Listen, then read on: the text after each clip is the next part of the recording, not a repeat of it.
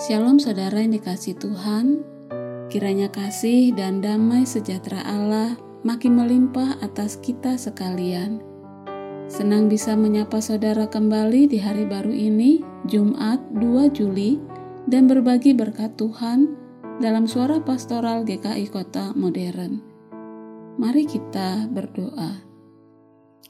Ya Tuhan yang Maha Tahu, kami datang padamu bersyukur atas hari baru ini, dan pimpinlah kami lagi supaya dijauhkan dari yang jahat dan dimampukan melakukan apa yang baik dan benar.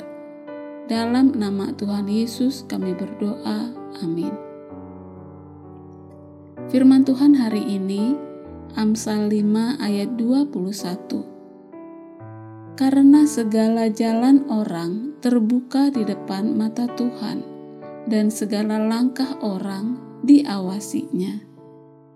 Diawasi selalu. Tidak ada yang sanggup kita sembunyikan dari Tuhan, sekalipun kita nekat melakukannya. Manusia terdekat bisa saja tidak sanggup menyelami hal tersembunyi yang kita tutup dengan rapat. Mereka pun bisa gagal mengetahui apa saja yang kita rencanakan di hari depan tapi tidak demikian dengan Tuhan.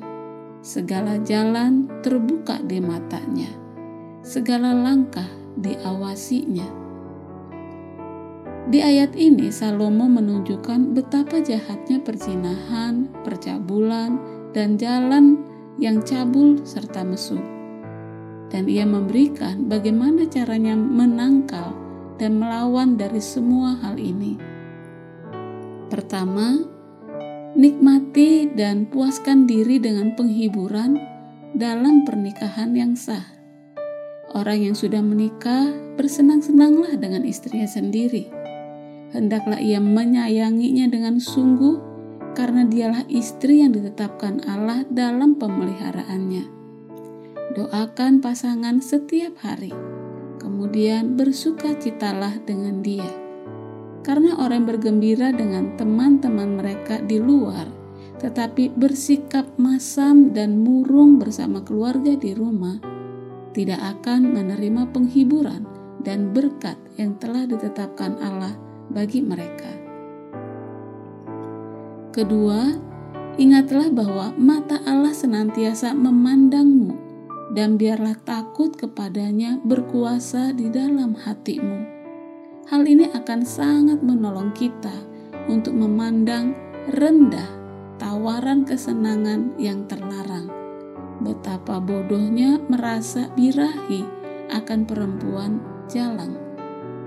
Ketiga, pandanglah kehancuran orang-orang yang tetap melakukan pelanggaran, meskipun belum terjadi.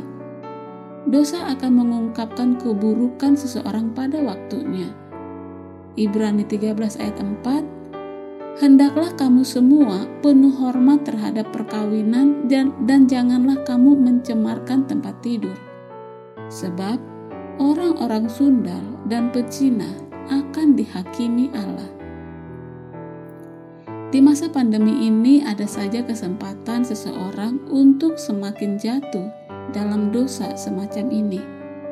Tapi ingatlah bahwa kedursilaan seksual adalah dosa yang kekuatannya sangat sulit dilepaskan, sehingga sangat sulit dan jarang bisa pulih kembali orang yang sudah terseret.